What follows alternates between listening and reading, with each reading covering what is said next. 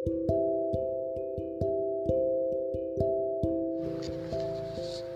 masih menatap lahan gundul dalam negeri ini.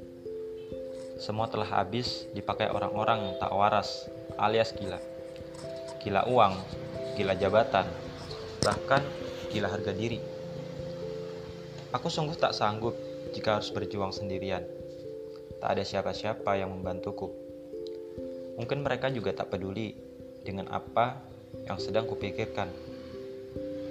Tapi aku tak peduli apa yang mereka katakan dan mereka lakukan untukku. Aku hanya peduli dengan alam ini. Aku berharap usahaku bisa menjadi awal dari sebuah perubahan.